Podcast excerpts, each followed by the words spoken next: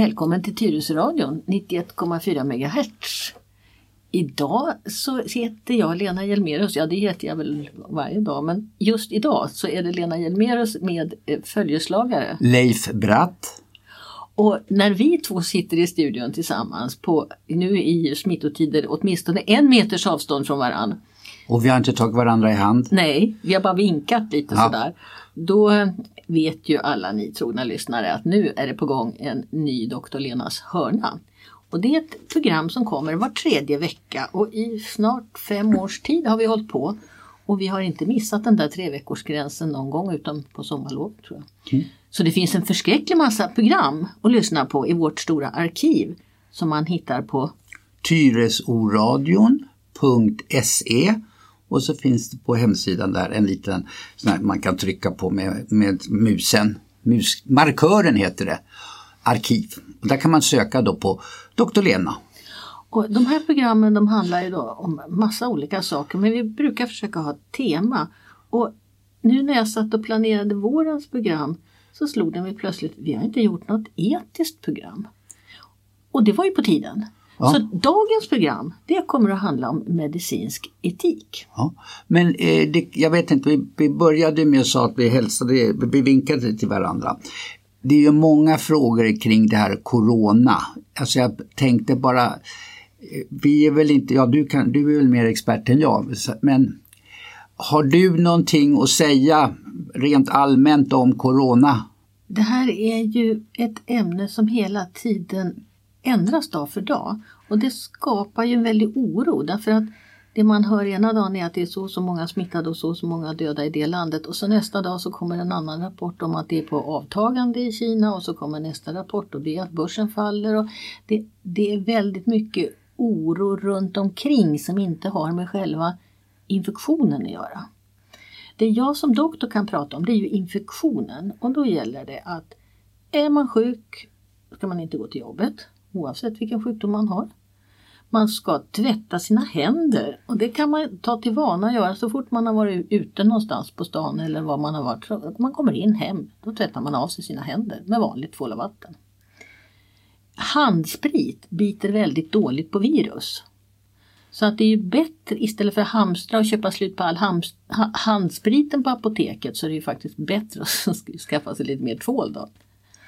Och är man förkyld och behöver hosta så ska man hosta i sitt armveck och inte rakt ut i luften. Men eh, den här infektionen den kommer vi att få leva med. Den kommer att finnas i samhället de närmsta åren. Och så småningom så kommer nog kanske alla, möjligen kanske, att få en liten släng av coronavirus. Och samtidigt så kommer vi också ta fram vaccin mot det. Men det som gäller just nu det är ju att förhindra att en massa människor blir sjuka på samma gång. För då funkar inte vårt samhälle riktigt. Och då är det väl klokt kanske att de närmsta veckorna, månaderna undvika allt för stora folksamlingar. Om man inte behöver. Om man kanske inte behöver ut och resa till de områden där det rapporteras som mest. Men som sagt, tvätta händerna, hosta i handvecket, ta det lugnt varken du eller jag har några munskydd på oss idag. Nej. Nej. Och munskydd är ju det är mer en signal, en, det, det, är en symbol. Men den har ju väldigt lite med smittspridning att göra det där munskyddet. Men, men, det, är, men det är en tradition i vissa länder att man sätter på sig munskydd. Och då, ja. Mm. Men man kan, eh, nu jag är amatören vill jag mm. betona, men alltså man hör ju talas om riskgrupper, alltså äldre och de med hjärt-lungproblem de ska vara lite extra försiktiga kanske. För ja. de har svårare, alltså de har mindre motståndskraft. Och man ska, man, är det rätt Det är alldeles rätt. Och, och, som, när det gäller den vanliga säsongsinfluensan och äldreboendena, när det bryter ut säsongsinfluensa då brukar vi alltid säga att ligg lågt med hälsa på. Eh, ring istället eller skicka en blomma. Eh, bättre det än att man får in den här typen av virusinfektion på äldreboende. Vare sig det nu skulle vara corona eller vanlig influensa eller, eller magkräk. Eh, Vinterkräksjuka. Norovirus, kalicivirus. Eh, så de som bor på äldreboendena kanske mår bättre faktiskt av att inte få en massa besök när det är sådana här, såna här tider.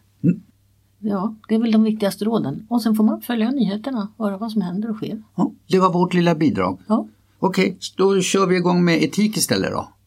ja, ja det ska vi väl göra. Ja. Har, har, du, har du några etiska problem just nu? Nej, ja, nej, vi kanske kan koppla det till det. Nej, men en sak som slog mig plötsligt. Du ser att jag har en lindad hand, alltså med gasbinda. Ja, Leif är justerad. Jag var ju tvungen att fråga vad som hade hänt. Ja, och då ska, varför jag vill ta upp det i radion, det är efter, eh, i media får man ju läsa eh, läsa eller höra också då i media om de otroligt långa väntetiderna på akuten. Att det håller på att krackelera totalt. Jag skar mig i handen klumpigt men i alla fall det gjorde jag. Och ringer 11, eller hustrun ringer 1177 och de säger åk in, direkt." för det var ett ganska eh, djupt så, ja, sådär. Ja, Något eh, som måste sys ihop. jag måste, ja, så åk genast in till eh, Handens närsjukhus. Det tog eh, 25 minuter från att jag hade betalt i kassan till jag fick gå ut med fem stygn i handen. Alltså det, det finns 25 minuters besök också på akuten, inte alla är inte 20 timmar. Så, Mm. Och det, är- det är nära akuten. De stora akuterna de är ju för livshotande tillstånd. Men som sagt, en, en, en sårskada, kanske man har ramlat och behöver röntga om någon har brutit. Det går precis lika bra och mycket, mycket snabbare Ja. på nära akuten. ja. Så att det, eh, en eloge till det, det funkar ibland i alla fall. Ja. Mm, Okej, det var e- etik vet jag inte om det handlar om. Men, Och, och klokt att du ringde 1177 och frågade också. ja, det var hustrun. Ja, ja, ja, Så ja. var den klok. Ska jag inte ta. Ja. ja. ja, vad ska vi börja med det etiska då? Jag tycker att på något sätt, för det är inte- kanske inte, jag tror alla har eh, hört ordet etik och det där är oetiskt och så. Men vad står ordet för? Alltså kan vi ringa in det lite enkelt? Ja, det är ju ett gammalt grekiskt ord och det har med etos att göra. Hur man uppträder. Alltså de, de gamla grekerna, nu är då på 300-400 år före Kristi födelse, var man, man formulerade eh, man brukar prata om läkekonstens fader Hippokrates. Han formulerade etiska regler. Hur skulle en doktor bete sig och vad fick en doktor inte göra? Man fick inte blanda gift och man fick inte eh, ja, döda andra människor. Och sen, sen kom ju kristendomen med, eller den fanns ju redan innan på Gamla testamentets tid fanns ju de eh, tio Guds bud. De är ju ännu äldre än, än de här grekiska reglerna. Så att i, i den, Är det du menar då, det här, du ska icke dräpa, du ska icke ha begärelse till din nästas hustru och sådana där saker? Och, och du, du ska vörda dina föräldrar Ja. står det väl också. Ja. Så att det finns ju en, en, en norm, eh, en slags regelverk, hur är en god människa, sen, sen väldigt långt tillbaka i det som vi brukar prata om västerlandets vagga då, i, i Mellanöstern. Och sen kom kristendomen och då fördes de här eh, tankarna ut i, i det västerländska samhället. Men vi, vi, vi måste nog ändå komma ihåg att det här är västerländska princi- principer. Och sen har de under årens lopp um, formulerats av olika um, filosofer och gubbar. Men vi, vi har det som kallas då för normetik. Det vi nästan alla är överens om är rätt och fel. Ja. Det här med att stjäla och Ja. döda och, och Ja, och, och bete oss vettigt. Eh, sen, I gränstrakten kan man prata om de här dödssynderna som eh, Ja. Sju dödssynderna är Ja. halvetiska regler. ja, lite det kan man säga. Att man ska, man, ska, och- man ska leva sunt. Ja. Och det är också lite ett arv ifrån de gamla grekerna. Då. Mm. Eh, Men sen så har vi en annan princip som kommer, den börjar redan på slutet på 1600-talet och framförallt slår den igenom på 1800-talet. Och det är, det heter med ett fint ord uti- utilitarism. Och det är en konsekvensetik. Nu får du förklara vad konsekvensetik är. Nej men alltså för mig är det, handlar det om att jag ska fundera igenom eh, vad kommer, det beslut jag tar, vad kommer det få för konsekvenser? Och då ska då frågeställningen vara, är det här situationen socialt moraliskt acceptabelt att göra? Eh, jag kommer att tänka på en, en diskussion som fördes för fem sex år sedan. Det var en ung individ som hade en väldigt allvarlig sjukdom men kostsam att eh, eh, behandla. Om det nu var fem eller tio miljoner det skulle kosta att behandla. Och då sa landstinget, som det hette på den tiden, nej därför att det skulle ta så mycket resurser från så många andra människor som då inte skulle kunna få vård. Ja, man har ju inte oändligt med pengar. Så att då, ja, det fick ju konsekvensen för den här enskilda individen att han fick ingen behandling. Jag tror inte att han dog men han fick eh, väl lida. Eller, ja, han, hade, han, han, fick, och, och, han fick den behandling som han ansåg att man, han hade bra nytta av. Ja, men han fick inte fullt ut därför det var för dyrbart och då resonerade man som så att då skäl vi för mycket pengar från andra patienter eller resurser från andra patienter. Så då, då gjorde man ett övervägande. Det fick ju konsekvenser. Så för mig är mm. konsekvensetik. Jag tänker igenom, är det här rimligt, ja eller nej?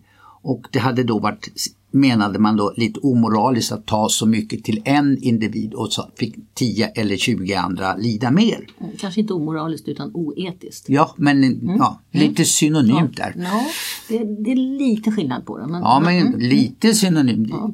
För att man försöker att det ska inte vara värderingar i, i den när man pratar om etiken utan det ska verkligen man ska försöka komma tillbaka till kärnan.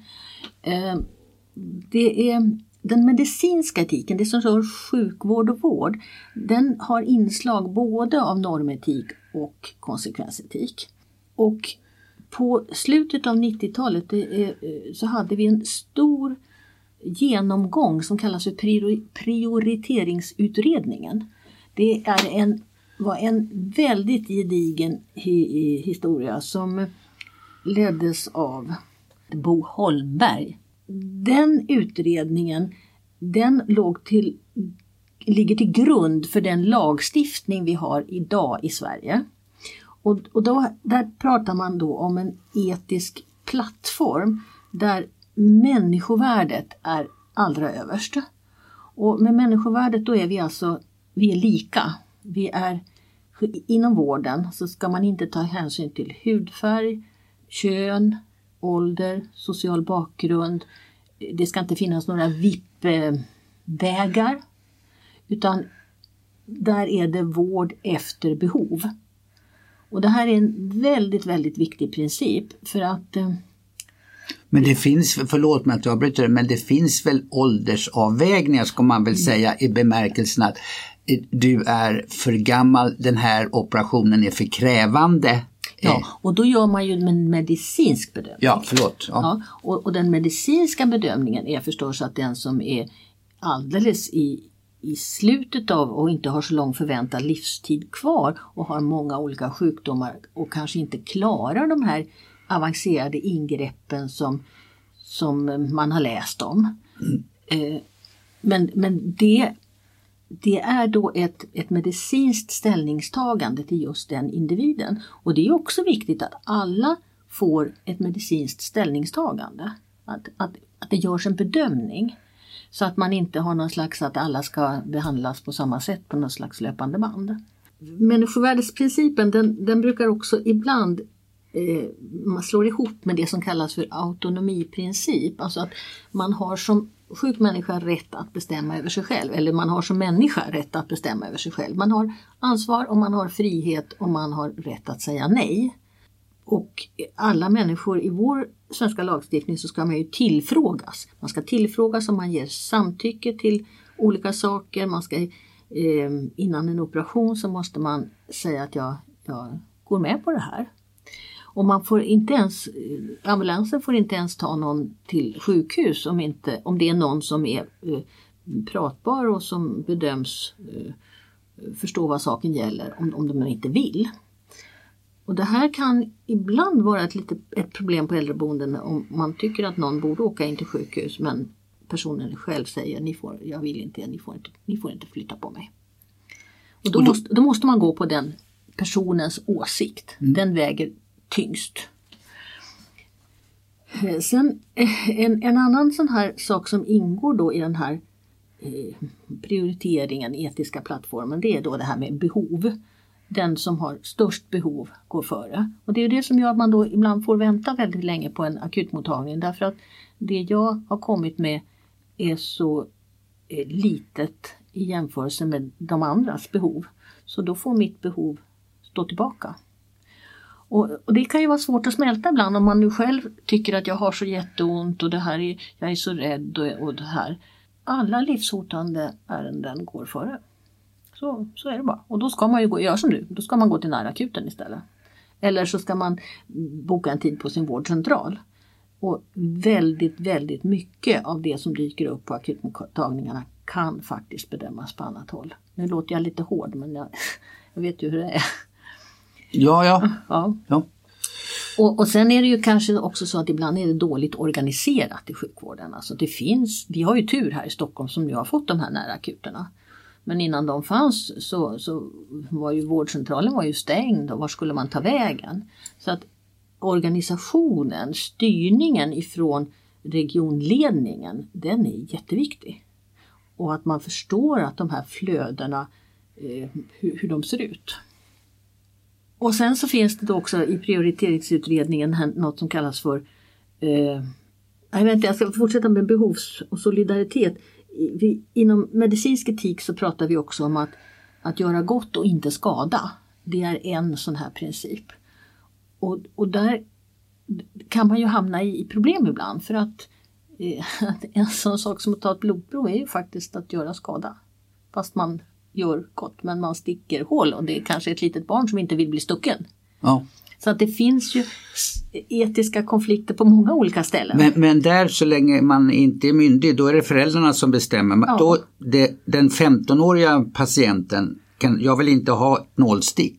Ja, då blir det ingen nålstick. Alltså, ja, men om mamman, vårdnadshavaren säger... Alltså det måste ju vägas mot vad är, vad är vitsen med det? Ja, jag bara så att vi inte ja, ja. skickar ut fel nej, signaler. Nej, men varför är det här nödvändigt? Och då mm. finns det ju nu i de här coronatiderna då, det finns vissa undersökningar som man inte kan vägra och det är smittspårning. Mm. Om man nu hamnar i den här smittspårningsdetektivarbetet då är man tvungen att lämna eh, ett, eh, ett prov för mm. virus. Då. Mm.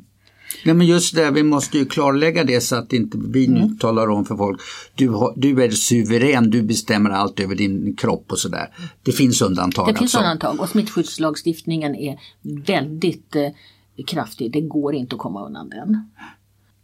Sen, sen har vi då en kostnadseffektivitetsprincip. Det var det du var inne på här med konsekvensanalysen.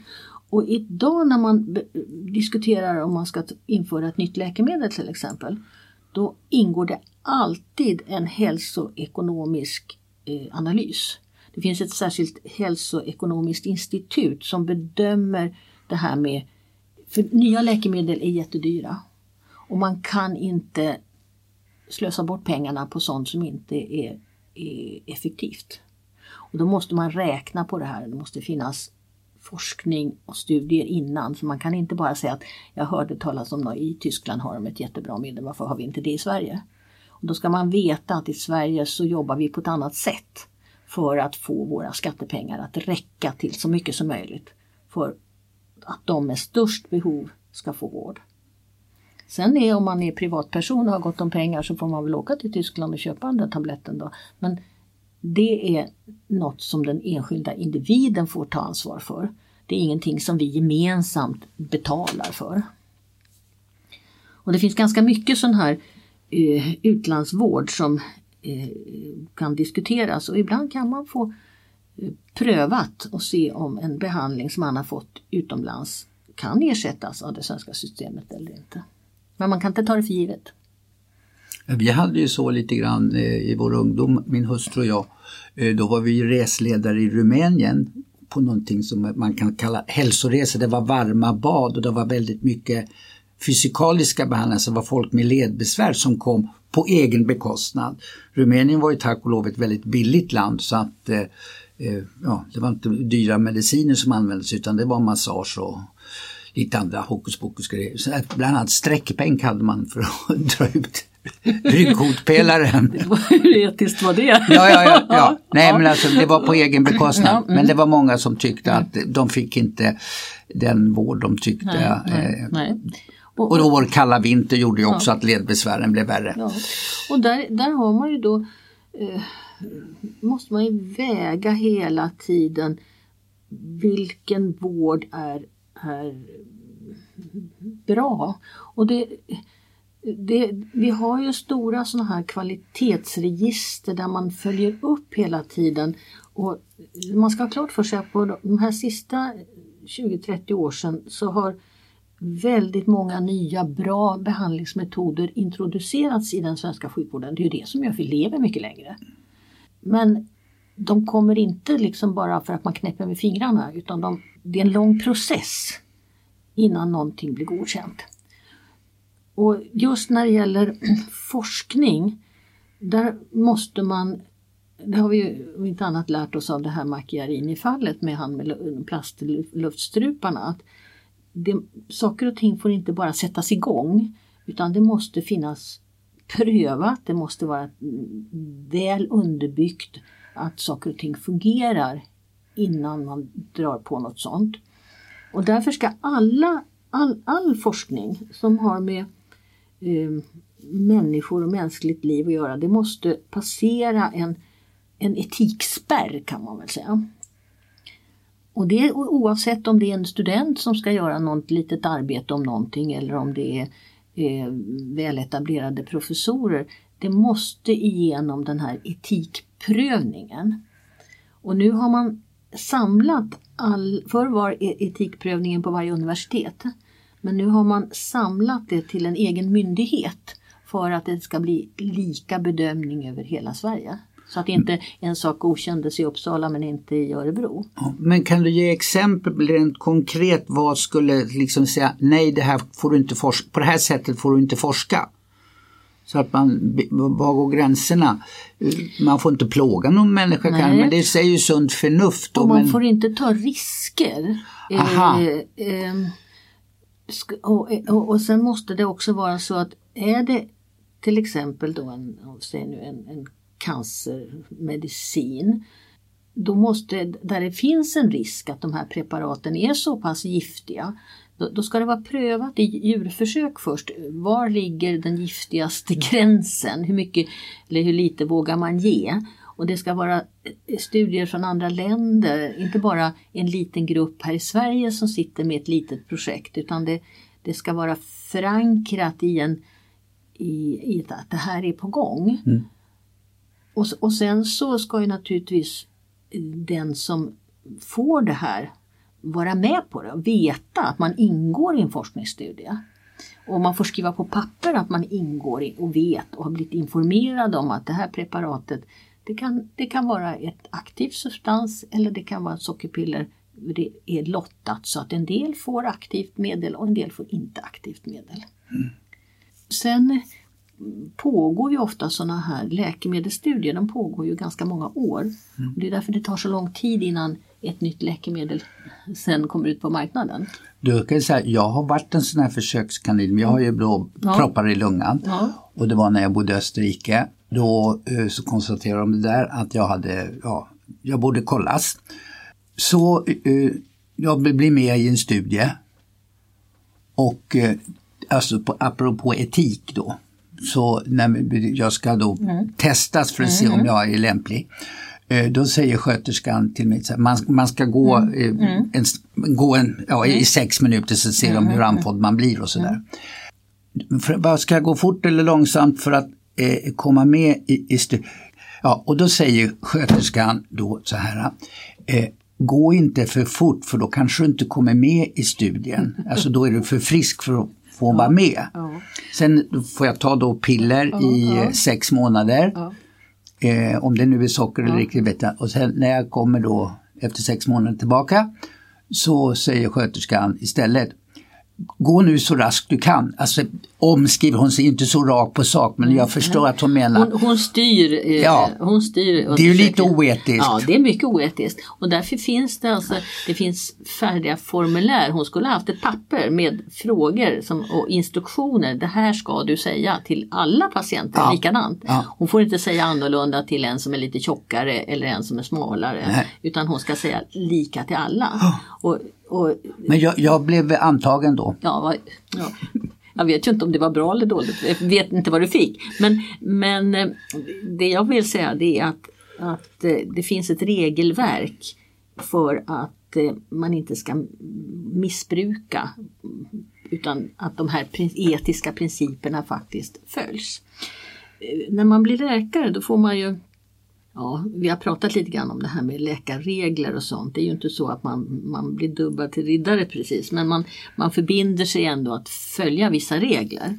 Och de är internationella. Och där är det sådana här saker som hur ska en doktor uppföra sig? Och det, I Sverige har vi dels vårt fackförbund, Läkarförbundet. Och Läkarförbundet är anslutet till det stora världsförbundet för alla läkare. Och där finns det ett antal sådana här deklarationer om hur man ska bete sig i forskning och som läkare i sitt vanliga liv och vilka etiska principer måste man följa. Det vill säga man får inte döda patienter. Det var redan Hippokrates och tio Guds bud. Och sen har vi också en intresseorganisation som heter Läkarsällskapet som är i sin tur uppdelad på att det finns en förening för kirurger, en förening för geriatriker, det finns olika sektioner och de allra flesta läkarna i Sverige är med både i sitt fackförbund, Läkarförbundet och i den här i Läkarsällskapet. Och, och Läkarsällskapet de har en särskild grupp, en, de, en delegation kallas det för, för etiska frågor. Och de har utfärdar också eh, dokument som man kan hitta på nätet om, om vad som gäller till exempel när man ska avstå från behandling eller eh, inte erbjuda en behandling. Och hur man ska han, hantera eh, hjärt-lungräddning på den som kanske det är dags att dö då. Hur, när, får man, när får man låta bli hjärt-lungräddning och när får man inte låta bli hjärt-lungräddning? Och de här dokumenten de uppdateras också med lite jämna mellanrum så att de hela tiden stäms av mot vad vi tycker. Ingår det i, eh, eh, ibland hör man ju talas om alltså det är något anfall på ett flygplan eller någonting sådär. Så frågan, finns det någon läkare i kabinen? Säger de etiska reglerna då att du är skyldig att ge det till känna, ja jag är läkare eller är det frivilligt? Nej, jag, jag är nog skyldig. Ehm, och det där har ju ställt till en del problem med läkare från andra länder som, som eh, där man undrar om ens försäkringar gäller. I Sverige så har man en egen ansvarsförsäkring som läkare. Den får man teckna själv och betala själv. Men, men nu har jag ansett, nu är jag pensionär så häromdagen avslutade jag faktiskt min ansvarsförsäkring. Jag vet inte om det gäller för råd i radio. men men eh, mo- moraliskt sett så kan du aldrig, du kan aldrig gå förbi en skadad person till exempel. Utan du, du måste stanna till och se att vederbörande är omhändertagen. När det blir problem med det här med etiken, ska ägna lite, programmet börjar bli långt men vi ska ägna en liten stund till det. Då är det ju så att någon av de här etiska principerna kolliderar med en annan etisk princip. Som det där du, fallet du tog upp nu då, med en behandling som är så dyr så att den spräcker alla budgetar. Och då får man sätta sig ner, om det är väldigt komplicerade ärenden, då är det bra att sätta sig ner och bena upp det. Och då förekommer det ibland på sjukhusen att man väljer att göra en etisk analys. Och det har jag varit med om nu eftersom jag har jobbat med döende patienter, de är gamla på äldreboenden, så jag har varit med om några sådana här etiska analyssituationer. Det är, det är väldigt nyttigt för då benar man upp det och då får man bort det här med ens egna värderingar och så tittar man på problemet. Vilka, vad handlar det om? Vilka etiska principer är det som kolliderar? Vilka personer är inblandade i det här? Finns det alternativa lösningar? Och är man, hittar man ingen lösning då kan man faktiskt be om hjälp ifrån universitetet då, från institutionen för medicinsk etik. Och då kan det komma en person som är en är specialist på det här med etik och hjälpa en personalgrupp på ett äldreboende eller ett sjukhusavdelning att få syn på lösningen på det här problemet. Den, den, den minst dåliga lösningen, jag ska inte säga den bästa lösningen, men den minst dåliga lösningen på just det här problemet. Och det här är någonting som jag tror att vi använder oss alldeles för lite av. Eh, jag har undervisat om sådana här saker och eh, jag undervisar väl fortfarande här då via radion att är man helt oense, kanske i en familj, om hur fortsättningen ska bli för gamla mamma eller pappa, gamla mamma och pappas egen åsikt, det är oenighet i en syskonskara. Be om hjälp att få sitta ner och diskutera igenom det här. För då hittar man ofta en, en bra lösning. För det som alltså amatör då inte har medicinsk utbildning så kan man ju ha massa åsikter om att man tror på behandling eller inte tror på den. Jag har hört att någon har... Ja, mm. Man det, har massa... Visst, och det oh. finns en övertro. Eh, man tror fel saker och man, man är ute och googlar alldeles tok. Mm. Mm. Så, så ett samtal, ett rundabordssamtal och försöka hitta den bästa lösningen. Med en, med en medicinsk kunnig person? Ska. Ja, visst. Och, och eh, jag menar, det, man behöver inte ha en medicinsk etiker till allting men, men det finns den resursen ifall man har kört fast helt och hållet. Mm. Igen där blir ju slags konsekvensetik. Man är ju inte riktigt på egen hand, alltså som amatör. Förstår man alla konsekvenser Nej, av? Det gör man inte, Nej. absolut inte. En sån sak som att en hjärtåterupplivning på en gammal människa innebär att man knäcker åtminstone 6-7 revben. Och det kanske man inte överlever. Man kanske får igång hjärtat men den, den spröda bröstkorgen som mosas vid en, en hjärtåterupplivning det kan vålla väldigt stor smärta och komplicerat efterförlopp där man kanske sen dör av en, en lunginflammation. Så att det, det, Idag har vi lagstadgat att på alla äldreboenden så ska man ha för varje enskild individ en diskussion och ett beslut om hjärtåterupplivning. Så att man, inte, så man undviker det här att, att skada mm. när man tror att man ska göra något bra. Mm. Ja, är det nog för idag? Ja, det var ett lite så här, eh, ja inte obehagligt, det är fel ord. Eh, det är svårt att ta till sig ja. lite grann. Man får gärna lyssna på det här programmet många gånger och så får man väl återkomma med frågor till dig och mig. Då. Ja, ja inte till mig. Nej, vi, vi, har inte alls idag pratat om dödshjälp. Nej. Um, vi, vi får återkomma. Om det finns önskemål om det så kan vi återkomma. Men uh, annars tänkte jag nästa gång att vi skulle ha något lite mer vanligt ämne. Okej. Okay. Ja. Okay. Tack för idag Leif. Tack Lena, tack för alla kloka ord. Och du har hört på Dr. Lenas hörna med Lena Hjelmerus som är pensionerad överläkare i geriatrik och palliativ medicin och med Leif Amatören. Ja men du är ju samhällsvetare i alla fall. Ja, ja, ja. ja. Folkets och så, röst. Och, och så är det folkets röst. Ja. Tack för idag.